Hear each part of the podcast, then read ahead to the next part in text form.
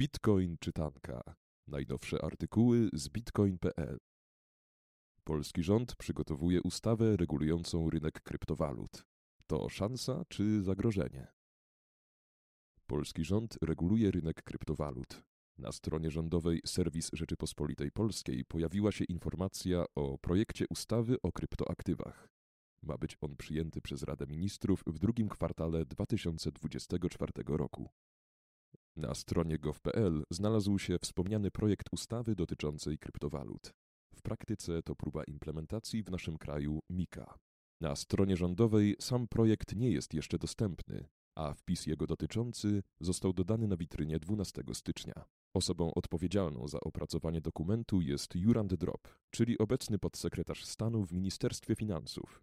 Przez kilka miesięcy w 2015 roku był członkiem rządu Ewy Kopacz. Z ogólnego opisu projektowanych przepisów wynika, że prawodawcy w Polsce wyznaczą KNF jako organ właściwy w zakresie stosowania rozporządzenia 2023 przez 1114.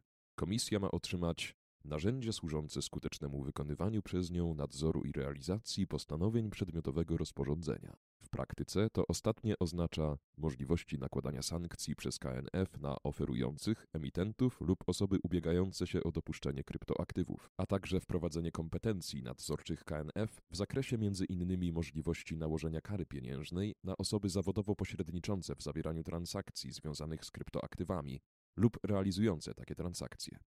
Do powyższego ma dojść określenie obowiązków emitentów tokenów powiązanych z kryptoaktywami i tokenów powiązanych z e-pieniądzem oraz dostawców usług w zakresie kryptoaktywów, w tym zobowiązanie emitentów do przekazywania KNF informacji dotyczących ich działalności, które podlegają ocenie nadzorcy. Czy to powód do radości?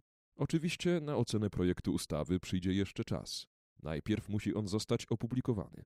W momencie nagrywania tego tekstu na stronie rządowej nie dodano głównego załącznika.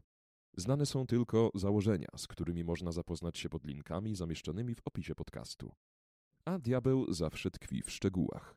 Istotne będzie to, jakie zapisy będzie zawierała ostateczna wersja dokumentu.